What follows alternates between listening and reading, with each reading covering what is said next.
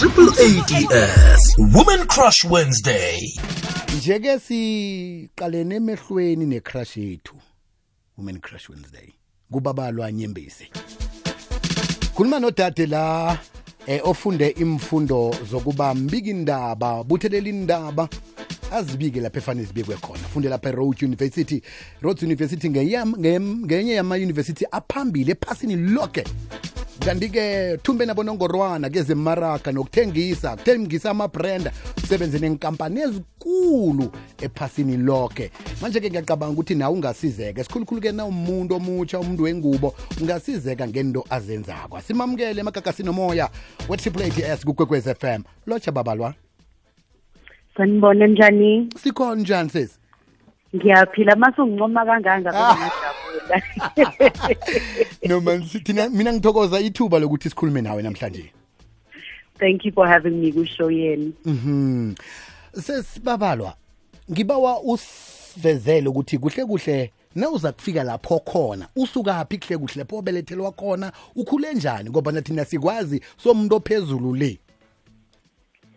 Ngiyakuzwa no ngakhula ngakhula in a normal home in KwaZulu Natal with my parents. Mm. um ngadecide ukuthi ngiyofundela kona ukuba intatheli because mangibheke indabeni zaphesheya ngangathandi indlela esivezwa ngayo thina abantu abama-afrika. So ngadecide ukuthi ngihambe ngofunda ukuba intatheli khona ngizoshintsha indlela esisho ngayo i- e- e- i- iy'tori zethu ezivela ngayo in the media um which is how i ended up where i am now because abazali bami bangifundisa ukuthi uma ubona into esemhlabeni ubona sengathi ayilunganga thola indlela ukuthi ukwazi nawe ukuthi uyishintshe which is why i went and studied journalism. eSouth Africa kwafika inkundla zokuthintana yo Facebook yo Twitter yo Instagram. Lokho kwakuchugulula kanjani ukuthi eh ungasaqali ndawo yinye uqale nangapha lapha kunabantu abatsha khona ngobunengi? Eh na so the thing about uFacebook no Twitter no Instagram into emnandi into engiyithandayo ngakho is ku accessible kubonke abantu. So umuntu one phone umuntu one data uyakwazi ukuthi afike ku Facebook akwazi ukuthi asixoxele indaba yakhe. And so umsebenzi engiwenzayo mina ukuthi ngisize ama brands ukuthi indlela akhuluma nayo nabantu ko social media um kube indlela ezwakalayo. So makuukuthi u Standard Bank o Twitter Standard Bank oposta ku Facebook baveze izithombe zabantu abama South Africans abantu esibaziyo abantu abajwayelekile. Wona umsebenzi engiwuthandayo ke wona. Ungasinabela nje kafeaturesana ngemsebenzi osele uyenzile bekube nje? Yo miningi um but ngaqala khona ngaqala actually ngisebenza nami emsakazweni so ngaqala ka 702 um ngisebenza ngenza i-social media yakhona ngitwithela oxolani kwala. Mm, mm. back in the day. So ngaqala lapho ngase ngakhula ngaqhubeka.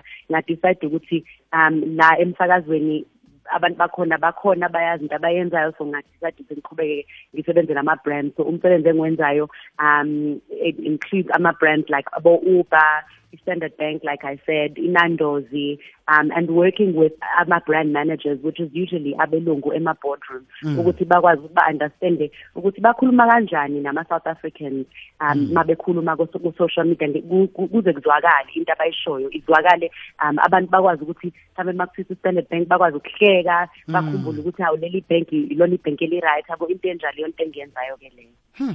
Kuya- kuyavela nje nala ukuthi une podcast lapho ukhuthaza khona abantu bengubo. Mhlawumbe ungasitshela ngalelo hlelo lakho?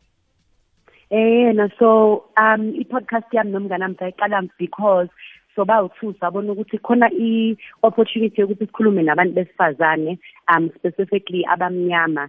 Sikhulume ngey'nkinga esi- es- esihlangana nazo emsebenzini so njengoba sisebenza kwi-corporate environment iziphi iy'nkinga esihlangana nazo um and singadila kanjani nalezo nkinga. And so i-podcast yethu um i-space sokuthi as abantu besifazane sikwazi ukuthi sihlale sixazulule iy'nkinga zethu umuntu asho ukuthi yini esenhliziyweni yini emsindayo sikwazi ukuthi sikhulume ngakho. Um khona umuntu engeke azi- az- azizwe sengathi iy'nkinga azithwele emsebenzini noma empilweni uzithwele yedwa. Into ebalulekile ngempela is that we um in speaking out about even izinto ozithwele um you feel like the burden is lighter and uyazi ukuthi khona abanye abantu besifazane abadila ney'nkinga ey'fanayo Mhm.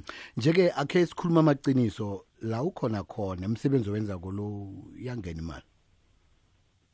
umsebenzi wami owamanje unjani Uyabhadala na?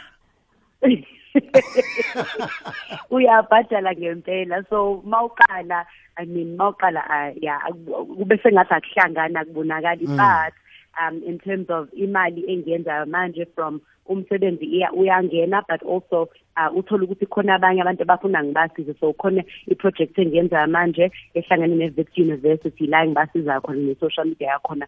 So ukhona ukuthi ukwazi ukwenza umsebenzi uqashwe emsebenzini usebenze nama-client njengoba ngiyenza but khona nabanye amanye ama-client azosikela afike azocela ukuthi basize kulo msebenzi engiwenzayo and so ama-opportunity nje maningi. Into ebalulekile ukuthi uzithembe uye phambili uwenze umsebenzi. Ngibuza umbuzo lo ngombana kunomuntu une-wi-fi uhlala online kodwana nguye obhadela i-wi-fi le akunamali engenako. Ukuthi singamkhuthaza sithini ngombana sikhuluma nomuntu owenza imali ngokuba online? Eh and indaba yokwenza imali ngokuba online is very possible ngoba phela uma une internet une opportunity yokuthi wenze imali. And so into into abantu afanele bayenze ukuthi benze i research ukuthi babone ukuthi kahle kahle njengoba u online uh, ungathatha ama skills akho wenzeni? Khona ingane yasekhaya um yena use wayisebenzisa internet wafundisela ke yena ukufundisa. Mm. and so engawuthola umsebenzi la South Africa waloga on wathola esefundisa um emazweni ehleli khona endlini ekhaya. And so it's very possible ukuthi usebenzise being connected and being on the internet ukuthi uthole ukuthi athini amathuba for abantu um abazi lento yaziwa. And so makukuthi umuntu okwaziyo for example ukufundisa wenze njalo. Mawukuthi umuntu okwazi ukwenza i-research uthole indlela nakhona ukuthi wenze i-research kodwa uhlalele endlini ube i-computer wena wenza umsebenzi wenze imali and many opportunities. Singelinye lamahlelo aphuma phambili ku-SABC yonke silalelwa babantu abaphethe inkampani silalelwa babantu abaphethe inkhundla eziphezulu enkampanini ezikulu eSouth Africa ngiyacabanga ukuthi nabakuzwako nje bangafuna isizo lakho bangakuthola njani? Um so umuntu ongifunayo angangithola ku-twitter at babs underscore nyembezi. Um yeah i'm mostly available khona and i'm open to umuntu onembuzo about for example this career path engikuyona ofuna ukwazi ukuthi angenza kanjani mhlawumbe athole ama-bursary khona ezokwazi ukuthi angene naye esikoleni afunde. Absolutely open to ukuphendula imibuzo yabantu ku-twitter sesibabalwa mina ngithokoza imisebenzi emihle nemikhulu kangaka uyenzako sikufisela ichudu ukuthi uragele phambili. Eh ngiyacabanga ukuthi ke eh ngaba into ehle ukuthi ke nasingathola ne-email yakho ngomba na amanye ama-boss athi mina ngifuna ukumthumela i-email.